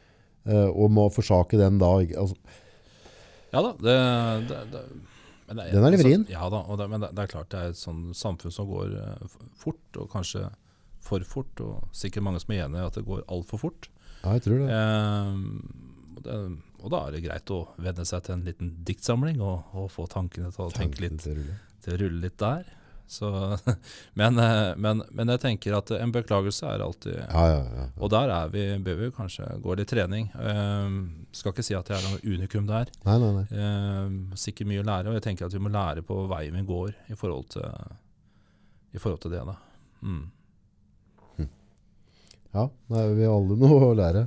Ja, det, det er klart, ja vi har det, og så, så må vi eh, Jeg syns det er fantastisk dette her eh, Unnskyld, jeg tar det opp, det norske samfunnet og janteloven. Ja, Janteloven, god gamle. Ja, den er eh, godt driv, altså. Ja, ja, ja, holder seg oppe. Merka det mye sjøl, Ja, med ja. det å gi ut musikk og sånn. Det Ja. er treffer folk jeg kjenner og Jeg har gjort noe som er litt spesielt, da, Mm. men sier ingenting. Ingenting. Og jeg tenker at eh, ja, det er mulig du ikke liker musikken eller sånt, men det du kan vel men altså, jeg, skal ikke, jeg orker ikke å gå og dvele med det, men det, jeg, jeg, jeg, har, jeg har tenkt litt på det. Og jeg, har i hvert fall prøvd så godt jeg, jeg, jeg, jeg husker jeg hadde Vi var på noen skisamling og hadde en veldig ung gutt Mm. som eh, var på, på eh, juniorlandslaget til skiskyting. Hadde trening med, med gutta mine, blant annet. Da er jeg rett på han med en gang. Og så Mm. sier jeg at fantastisk, du er vanvittig god. Mm.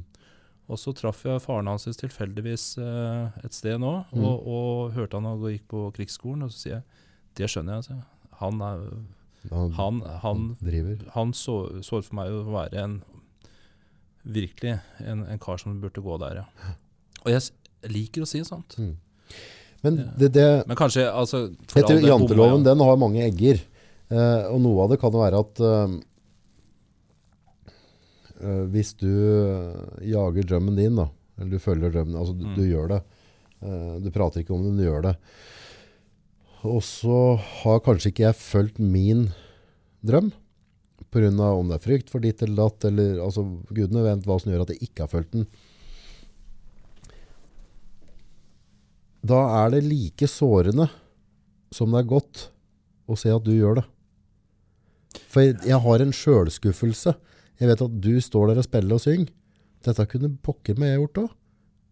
Men det var et eller annet som gjorde at jeg ikke turte å følge drømmen. Så på en måte så er jeg såra skuffa over meg sjøl for at jeg ikke har fulgt det ting jeg burde ha fulgt, eller det jeg hadde lyst til å gjøre. Og så er jeg litt glad på dine vegne, men samtidig skuffa. Og da tror jeg det havner litt mellom to stener. Men, men, men eh, Da er det ikke jeg- jeg- lett jeg- å leve andres glede, tror jeg. sliter sånn med det. Altså, jeg, jeg, bryting i mange år. Jeg, har to andreplasser ved NM og to tredje. Jeg ble norgesmester. Jeg slo en 14 Ja, ja. år etterpå, men det var tilfeldigvis ikke NM. Nei. Jeg kjente det når jeg fikk gutter som ble, ble norgesmestere, og, Ja, ja, og jenter. ja, ja. Da, så jeg fikk vi utrolig glad, altså. Ja, ja, klart det. Jeg, ba- du bare kjenner den der glede seg på andres vegne. Eh, det, det, er, det er jo bare Tror det, gode celler. ja, men jeg tror, jeg tror det, er, eh, det er lettere å, å glede seg over andres gleder hvis du er glad i deg sjøl. Det begynner med å kunne se seg sjøl i speilet og være glad i seg sjøl på en eller annen måte. Men Eller kanskje erkjenne hvem man er. Altså du, du må erkjenne litt hvem du er. Og, eh, og eh, jeg eh, nei, jeg har litt forståelse for folk som, som benytter seg av jantelovene. Og, og for, for på en måte I det på en måte jeg anerkjenner det du har oppnådd, så innrømmer jeg òg for meg sjøl at jeg er feig, og at det hadde vært mulig hvis jeg lagt ned jobben. Ja, men dette er jo ikke noe, det er ikke noe Jeg har jo ikke løpt på noen drømmestige, jeg. Eh, Det kommer jeg hvilken øye du ser på det. Det, det, er, det er mye jobb nå. Ikke sant? Jeg Ja, jobber ja. veldig mye. Eh, og eh, og det, det, har eh, det, koster jo den veien å, å gå, det er ikke Mm. noe tvil om det. Eh, men, eh, Men- og, jeg, jeg er ikke så opptatt av, meg Jeg ser dem ikke fra utsida, tror jeg. Jeg er ikke så opptatt av meg i dette her. Altså, jeg begynner å bli ganske så Ja. åra går. Men jeg tenker sånn det å Jeg stusser litt sånn når jeg ser sånne unge som er trenere eller sånn Det at foreldrene er litt Ikke vær, ikke vær negative.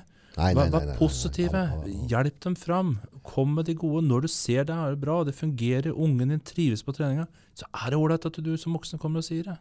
Ja, det må du på dine egne unger. Altså, det, det er jo, Jo, jo, men ja. nå tenker jeg til treneren der, og, og, og om det er musikkorps, hva det er for noe, så er det veldig hyggelig for de, for de som er, underviser eller deltar i samfunnet på den måten, eller for å bidra til samfunnet, det er å få de der positive tilbakemeldingene.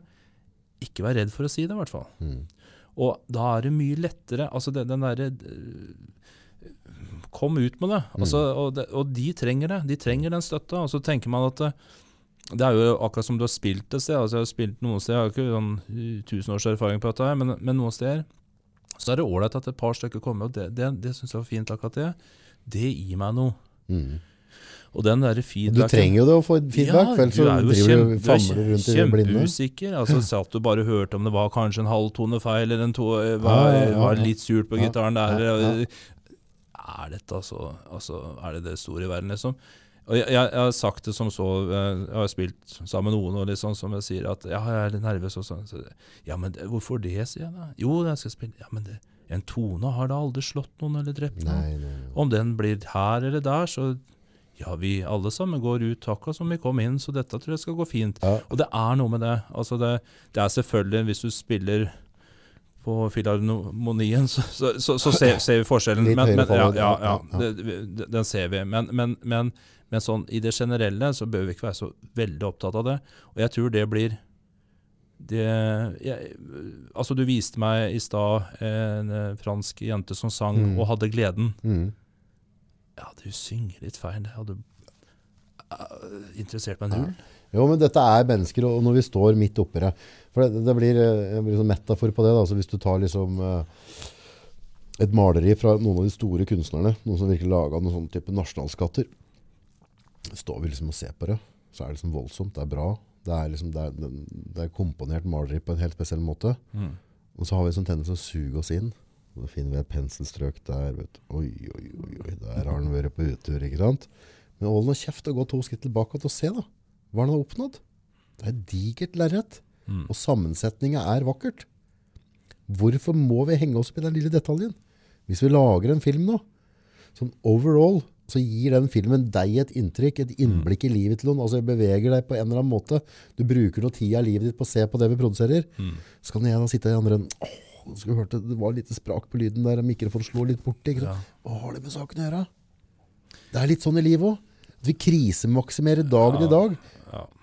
Men på generelle så er vi liksom Vi har mage, vi har et godt hver dag. Og, altså, vi har det egentlig jævlig bra. Men så henger vi oss med det lille. Skulle ha hatt det dekket i stedet for det dekket, liksom. mm, mm, mm. Så blir det spiser det hverdagen. Det er litt sprøtt. Det er trist. Og jeg er tenker altså i, I boka så går jeg tilbake til eh, Jeg begynner jo på Ja. 1800-tallet. Ja, Eh, og det er litt for å finne ut hvorfor skrev han som han skrev. ja. Eh, og, og følger en del av de livets gang, den var gangen på, på Svinør, og, og, og hvor tøft det var. ja for det var ikke noe kjære mor alltid? Nei, det var ikke noe kjære mor. Og min tipptippoldefar het Hans Christian Ulriksen. Ja. Han og broren gjorde en, en stor bragd i 1846. Ja. Det var også omtalt i Morgenbladet. Fant jeg på Nasjonalbibliotekets sider, som jeg bare anbefaler folk hvis de leiter etter noe, så gå inn der. Det er ikke alt som er digitalisert, men en del av det gamle er digitalisert. Kult. Og kjempehjelp fra Nasjonalbiblioteket når jeg har vært i kontakt med dem. Det, er, det har vært litt morsomt når jeg har drevet med boka. Så har jeg vært i kontakt med Maritimt museum, Nasjonalbibliotek som Norsk Folkemuseum. Du får hjelp overalt. Også folk utrolig det, det, var, det var litt sånn annerledes når du jobba i politiet og du skulle innhente opplysninger, så var det ikke alltid like sånn åpen bok. Nei, nei, nei. Eh, skal ikke, men, Måtte sitte her litt på det. ja, liksom. jeg måtte sitte litt på Nei, men, men her, her Og det, det har vært morsomt. Den veien å gå. Jeg møtte en kunstner i Holmestad, Morten Juvet, og fantastisk altså, å få den kontakten med, med mange mennesker. Jeg har intervjua ca. 40 mennesker. Mm. Men i hvert fall tilbake til da, de gjør en, en bragd. De redder, eh, redder et mannskap på et engelsk eh, handelsskip, mm. som medfører at de da får en får en, eh, får en, en bergenslønn. Jeg Mm. leiter etter den og har fått noen danske venner til å være med og hjelpe etter hvor er den bergenslønna. Altså det mm. er noen som har noen forslag der fra 1800-tallet og bergenslønn i Danmark, så man gjerne tar kontakt. Men, eh, eh, og det medfører at han, han kjøper en båt i 1854, eh, får bygd en båt som heter Familien. Han har nettopp stifta familie. Og så eh, dør han året etterpå. Året etterpå, ja. Ja, drukner Ok. i, på danskekysten. Nå. Uh, og min da tipptippoldemor gifter seg på nytt igjen i, i 1861 og, med en ny kar. Og, og, og hun var jo da rede reder for denne båten. Mhm. Eh, og, og han også, og får to barn med, med denne karen her, og har to sønner fra før og så Dør også han. Fælt, da. Skulle hun gå i det livet Ja, det blir et tøft liv for henne. Og, og man ser nok hun er prega på bildet. Fire unger og ikke noe man Ja, skal være med å forsørge. ja, det, det var før stemmetid alt dette. Dette var mange år før, og det, jeg syns det er litt imponerende at hun var reder da. Liksom får den båten. Og så det er 50-60 år før kvinner får stemmerett. Ja, ja. Men sånn var det den gangen. Eh, Døde mennene, så ble det, de sa 'herr Klev' til meg. Mm. Eh, og og syns det var interessant. Fas, jeg blir litt fascinert av de greiene. Eh, og, og når du tenker hvor tøft det livet var da, hvor hardt det var, mm. og, og lever nok godt på den båten, altså det er vel det som holder. Og hadde ikke den vært her, så den bergenslønna 1846, så hadde dette vært eh, fattigkassa. Mm. Eh, hvis hun skulle gått og hengt seg opp i de små detaljene mm. de sm som, som, Mm. ja, ja, jeg, bare For Ja, å få ja, et perspektiv på det. altså.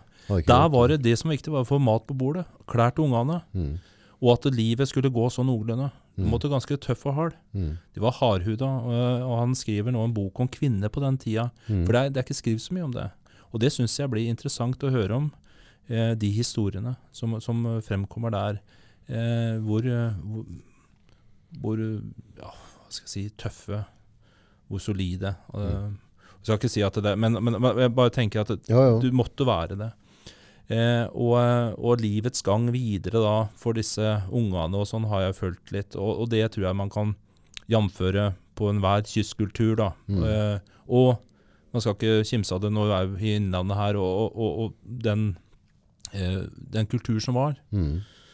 eh, den gangen. Mm. Eh, og, og da kunne du ikke henge deg opp i de der småtinga. Jeg, jeg tror han sa det med litt sånn Ja, var det sarkasme ja, var, var det antydning, og så kan vi diskutere det en time, liksom. Fikk dere ikke en på nesen, så var det ikke noe, liksom? Nei, jeg tror, jeg tror du måtte eh, Ja.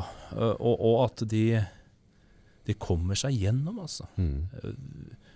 Eh, Jeg, jeg syns det er Hun Hvis ikke jeg husker feil nå, så dør hun dagen før min bestefar blir født. Oh, ja. Ja, så det er litt sånn spesielt. Da, da dør hun. Mm. Og hun hadde da hatt et, hatt et liv med mista to, to menn. Og, mm. mm. Så Og en datter mener jeg også hun mista. Mm. Ja. Så det skriver jeg litt om. Og jeg, jeg prøver å reflektere litt over til hvor vi er i dag. Mhm. Og Er det fare for at vi blir dårer? til å blir noe jellyfish hele gjengen? Han bruker ordet 'dåre' Ja. i et dikt. Jeg syns det er et Ja, jeg er redd for å si noe. Altså sånn eh, men, Redd for å si noe. Kan man ikke si hva man vil, men det kan man vel ikke bestandig. Men uh, jeg, jeg, jeg, jeg syns vi begynner å bli litt, litt for selvhøytidelige. Er- Føler, føler på litt mye ting, kanskje? ja, ja og, det, det, og det, er, det er fint, og det er fint å snakke om det, og sånn, så, så jeg skal ikke kimse av det. Så det, er, det er litt sånn balansegang hvordan man skal snakke om det. Nå snakker man til alle aldersgrupper, og, mm. og det er forskjellige settinger. Så vi skal i hvert fall tenke noen ganger på eh, situasjonen vi lever i her, og, og, og hvis vi tar dagens eh, dato og snur oss og kikker litt rundt i verden, eh, så, så må vi tenke noen ganger og, og ta et godt mavedrag og puste litt og tenke at eh, er dette i det store og hele noe å irritere seg, hisse seg over? Jeg vet jo det, hvis man ser på meg sjøl, da. så um, kan du på en måte si at du putter noe ytre press på meg, eller altså putter meg i en dårlig situasjon. da. Så kan jeg sitte her og pipe da, ikke sant? og plages. Men eh, For nå, nå har jeg rom for å gjøre det. Rom for å være misfornøyd eller ditt eller datt. Men eh, hadde du slengt meg tilbake på 1800-tallet, så hadde det vært et ikke-tema. Jeg, hadde- Ja, ja. jeg hadde dratt meg på morgenen og så bare levert. Ja, Ellers, har jeg ikke mat, liksom. Det, det er ikke noe er Nå kan jeg, sitte, jeg kan sitte og føle på det. Nå skal jeg prate med at jeg føler på det. Jeg føler meg litt sånn uh, misforstått eller lite sett eller et eller annet. Og så hadde, hadde jeg sagt det på 1800-tallet, så hva var det du snakket om, liksom? Ja, og jeg synes uh, han, uh, altså han som gifta seg igjen med min tipp, eh, tippoldemor, Erik Larsen han var, het han, var fra Tønsberg. Eh, skulle gjerne vite mer om han. Skrev et fantastisk brev til, eh, til henne i 1861. Ja. Eh, brevet kom fram, og jeg syns det er litt imponerende. Jeg sendte brev til Klev, og jeg hadde skrevet eh, den gamle adressen hans. Det fikk jeg i retur. Ja. Eh, Verden går videre, sier vi. Ja, 1861. Fra Belgia, Gent. Kom til Lille Sviner. Kom fram Ja. til henne. Brevet i 2019. Skrevet et nummer feil. Kom i retur. Man klarte ikke å finne det. Nei. Det er bare én som heter det i Lyngdal. Mm. Så jeg tror man kunne klart å finne det. da. Hvis en gidder legge to pinner i kors eventuelt. Ja, og det, jeg, jeg stusser jo over dette her, for det, dette syns jeg blir fordummende. Unnskyld meg til, til posten der, men, men, men jeg, jeg syns dette her blir, blir litt uh, fordummende. Nå, godt nå, nå at de føler jeg har- at jeg prata meg litt bort Nei. fra det jeg skulle. ja, ja, men det kan, godt, kan jo godt at i posten at de har et system nå, så hvis det ikke står riktig, så skal det tilbake at ferdig snakka. Det er Ja, ikke det- rom ja, for personlig. ja. Gudene vet. Men, men Så så kom det tilbake, så fall. sånn oppfatter jeg det. Mm. Jeg var litt sånn, jeg sendte et brev en gang som jeg hadde da hatt litt for lite frimerke på, men jeg kan ikke skjønne for jeg leverer den Mm. til posten, og de, de veide det. Så fikk jeg skriv tilbake, et langt skriv på at det her var det betalt for lite sånn, men, men, men jeg kunne bare si Jeg skulle ikke betale noe. Så ringer jeg da også til posten og så spør jeg om Unnskyld, jeg, nå fikk jeg brev. Ja, du kan bare se bort fra det. Ja, men altså, hvor, hvorfor fikk jeg det da? Det, det, det er systemet som Men, men jeg, nå, nå glemte jeg litt hvor jeg skulle hen med dette her med han eh, Med han Larsen, ja. Eh, apropos det vi snakker om, det å ta og føle på. Og det gjorde han også, for han blei ble sendt på den siste reisen hans sist. Den, eh, den gikk på danskekysten, og det var båten Båtene hadde begynt å gå opplag, og han eh, eh, Han fikk da beskjed av, av en på øya der om at han måtte reise med lasta. Og jeg tror nok han, Erik Larsen, skjønte hva det innebar. Som en dyktig skipskaptein, så, så gjør noe som var ganske eh, ulikt eh, og ikke vanlig å gjøre. Han la inn alle pengene sine. Han la inn klokka si, og han tok av seg gifteringen og la den hjemme. Før han dro til havs. Ja, Og det gjorde man aldri. Så han visste hva som ville skje, og det skjedde. Jeg ble en sender på et umulig oppdrag eller? Ja, det var, eh, Han skjønte at dette her går ikke. For da, med den sjøen som var den gangen, og de båtene Det det er vel samme sjø i dag. Ja, jo, jo, jo. Ja, ja, men utstyr og ja. Og utstyr og alt dette her. Så, og da dør han eh, på den ferden. Hm. Og da tenker jeg han følte litt eh, før han gjorde det, men han gjennomførte, for han hadde fått ordre til å gjennomføre det. Det kan man jo si både og til, men hvis han ikke hadde gjort det, så hadde han ikke Mm. Ikke sant? Du, du var tvunget opp i en det var sånn systemet drev før, og det måtte avhengig av at folk fulgte Ja da, så det har nok vært Ellers har du mytteri, liksom. Så det var liksom ja, Men klart, det kunne vært ledere som har brukt huet litt innimellom der, og ikke Ja dem da, og det har det nok vært og, Det har nok vært både og. Mm. Det kan jeg ikke nok om, men det er klart det har nok vært noen, noen tøffe tak for, oh, ja. for mange opp igjennom uh, som har gjort at vi er her i dag. Ja, ja. ja, uten tvil. Ja. Ja, det, er, det er noen av genene våre stiller som har sløst litt før. Ja, og Det er det jeg syns er spennende å rote i dette greiene her, da, og jeg håper at det jeg roter fram, blir interessant også for, øh, for lesere. da. Men det, det, det er jo litt komisk. Altså, hvis en tenker sånn der gen... Genavl, da. Mm. Sånn som dere med dyra, liksom. avler fram sterke raser. Så i teorien, da, så skal nå egentlig du og jeg stamme fra de sterkeste gjennom noen hundre år, da. Jeg syns ikke vi ser Så det går jo ikke veien, dette her. Altså, de var jo tøffere. Jeg kan ikke skjønne at de var hardere i huet på 1800-tallet. Jo da, det var de vel, tenker jeg. Det, det var, vel litt, uh, var vel litt sånn uh... Hva, hva, når skjedde det? Når, når flippa den bryteren, liksom? Altså, nå, vi, vi sitter og har en sånn genpool. mm. Liksom, altså, Darwin har fått kjørt på i flere hundre år og på en måte avla fram oss. Og så, og så blir vi bare bløtere og bløtere. Jeg vet Sitter her med telefonen vår. Ja. Taster i vei. Ja, det er litt sprøtt. Taster i vei. Det er det vi gjør. Ja. Skal nok være, i hvert fall være bevisst hva vi gjør. Tenker jeg. Så godt vi kan. Ja, man må prøve da. det er merkelig. Men det er i hvert fall eh, Jeg må jo si eh, Og det er vel sikkert litt aldre som kommer inn og spiller inn, og jeg har passert i 50, da, så, så det, det, er, det er en fascinasjon som, som gjør meg mer og mer interessert i å lære dette her, altså. Og jeg skal ikke si at det er noe at, eh, Altså, jeg prøver å tilegne meg den, den kunnskapen jeg kan, da. Mm. Selvfølgelig til den tiden man har rådighet. Og man må, jeg er jo ikke en, en kar som kan sitte ned og skrive fra morgen til kveld. og Nei, nei. og er på det nivået. Det er jeg ikke, men, eh, Drikke vin på en øy og skrive. Ja, ja, altså. Men, eh, men i hvert fall så, så var det å bikke 50?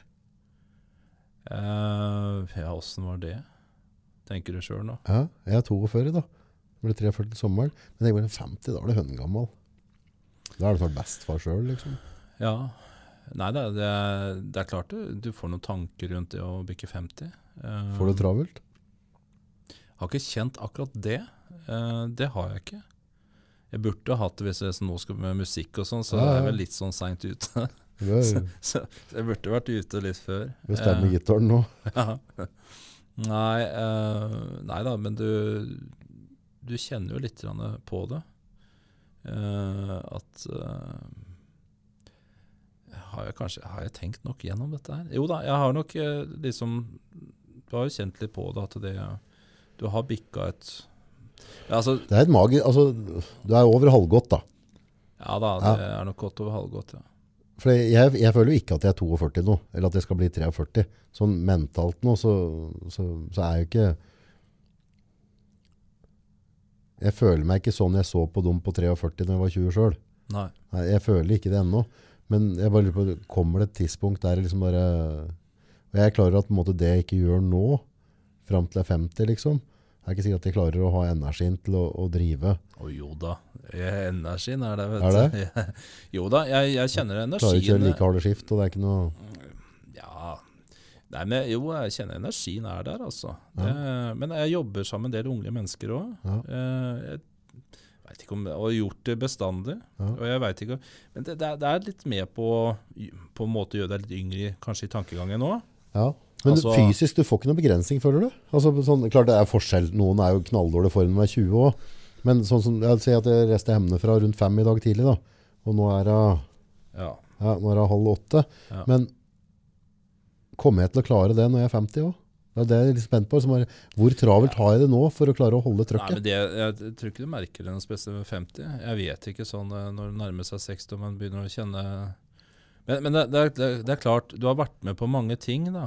Så du, du, Høres ille ut, men du blir jo litt mett på en del ting. Jeg må bli mett av dage Eh, på et eller annet tidspunkt. Jeg er ikke der, men, eh, men, men, men eh, du, de, du merker jo ofte at en del eldre trekker seg ut av diskusjonen, for de har vært med på en diskusjon så mange ganger før at de ikke altså, du, du, Ja. og, og det tenker jeg vi må forstå noen ganger. Ja. At folk er Og noen er ivrige på, så, det, så er, alle er jo ikke sånn. Og det, diskusjonsklubber Mm. er vel litt sånn eh, litt eldre som er med. Men, men eh, at, at av og til de diskusjonene du har hatt eh, for n-te gang, dem har du kanskje ikke like med energi til å delta i, Mm. tenker jeg da. Mm. Og mange tanker sikkert rundt dette her og kan diskuteres opp og ned i mente, men eh, Jeg, jeg tror jeg, altså, jeg innbiller meg at med åra som kommer fram, så, så blir det en sånn naturlig naturlig greie. da. At jeg får mindre og mindre behov for å oppleve ting. eller altså at det på en måte, Jeg har sett på noen som er eldre, altså type 70 oppover. Så er det sånn, opp morgenen kaffen, og så driver de ute og ordner litt. Og er liksom sånn fornøyd med det. Moderen hun driver jo, altså, hun er jo 60 eller et eller annet. Men, men hun kan drive hagen, og så driver hun noe bed, og bygger opp noe greier, og lager noe sånn fontene, og liksom stortrives med det. Hun har liksom ikke sånn at nå skal jeg til Afrika og, Nei. og, og bryte med en løve, liksom. Altså, hun er ikke der. Så akkurat som det, det skjer litt naturlig. bytter- Ja, men jeg tror det skjer. Altså, du, du er jo litt forsynt. Og det, det, det, du ser jo dette med ja, Dette med stelle Haven er, blir, blir viktig, altså. Det blir balsam for sjela, Ja, det tror jeg er ordentlig balsam for sjela. Det er ikke noe tvil om det. Det å se at det blir pent rundt deg, og du setter jo mer pris på fuglene og lydene, eh, haven og, og det grønne, det som spirer og gror.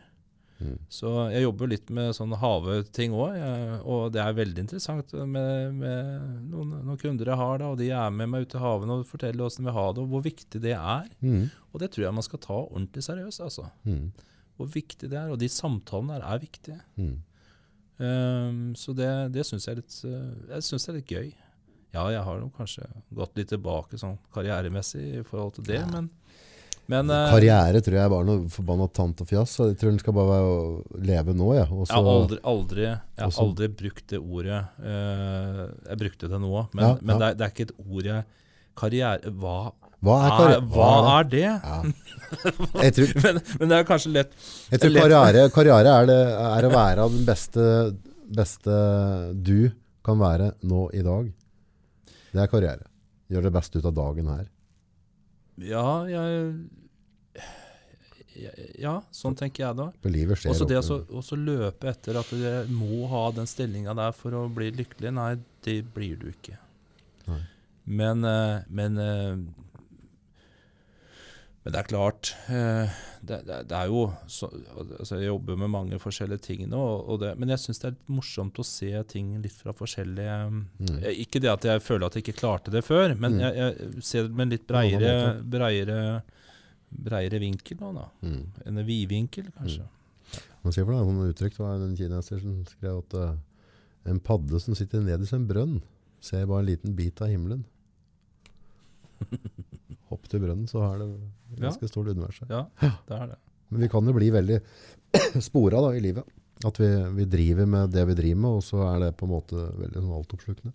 Vi må litt, prøve å se den litt med Jeg brukte det litt sånn Se det fra måneperspektivet noen ganger. Mm. ute, og det, det var litt hett og litt varmt i, i, i jobbsammenheng og sånn.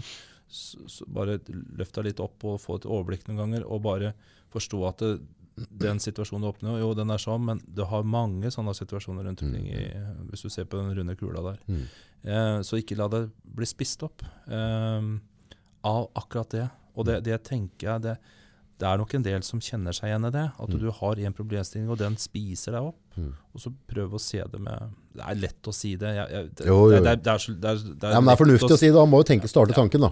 Ja, prøv i hvert fall å gå et skritt tilbake og så bare tenk deg litt om. Men det du prater på, er det, er det det som er mye av motivasjonen? At du på en måte har dykka ned i 1800-tallet, begynnelsen av 1900-tallet?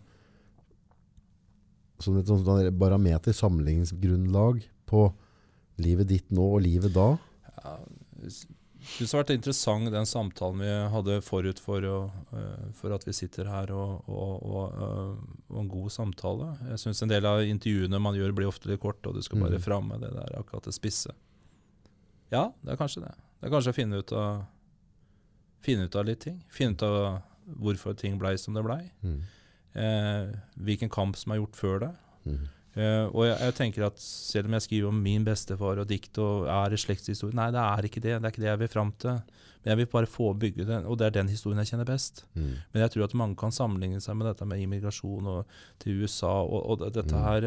Og, og hvordan, hvem kom tilbake, hvorfor kom den tilbake? Vi henta noen brev fra noen som ikke hadde det bra i USA. Ok, så det, de fant, Ja, det fantes, det òg. Mm. Eh, og, og, eh, og jeg håper og tror at noen vil kjenne seg igjen i dette. Også den litt sånn refleksjonen i forhold til dikta og politiarbeidet høres litt rart ut. Jeg er sikkert ikke så mange som har gjort det før.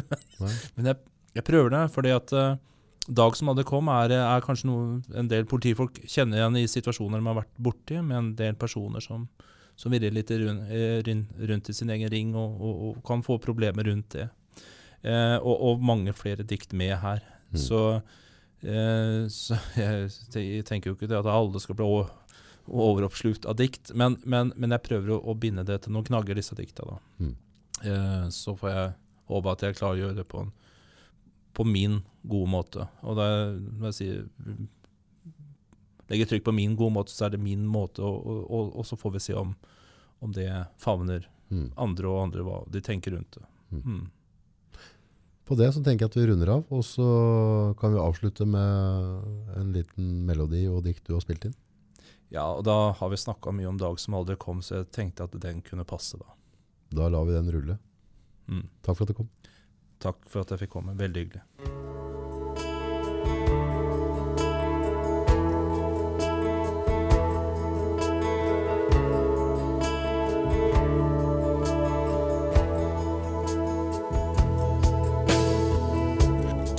Mange av dager var like.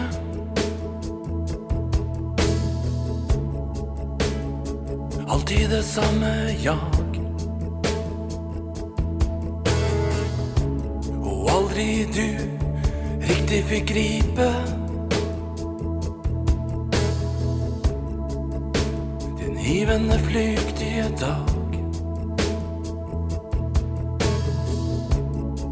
Alltid var du, du på leting.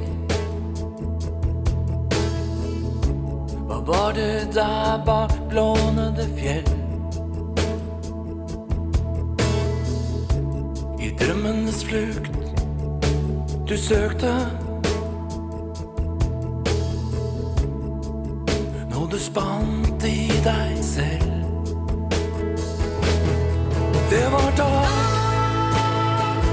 Den som aldri kom. Det var da. Den som aldri kom. Det var da. Den som aldri kom. Som aldri kom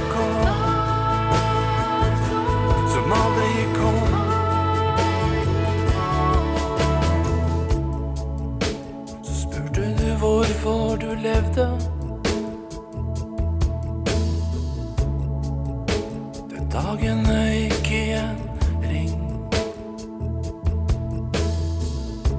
Og aldri du riktig lærte.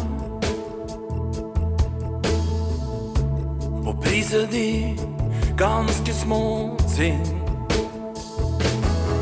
Det var da Den som aldri kom. Det var da. En som aldri kom. Det var da. Den som aldri kom. Som aldri kom. Som aldri kom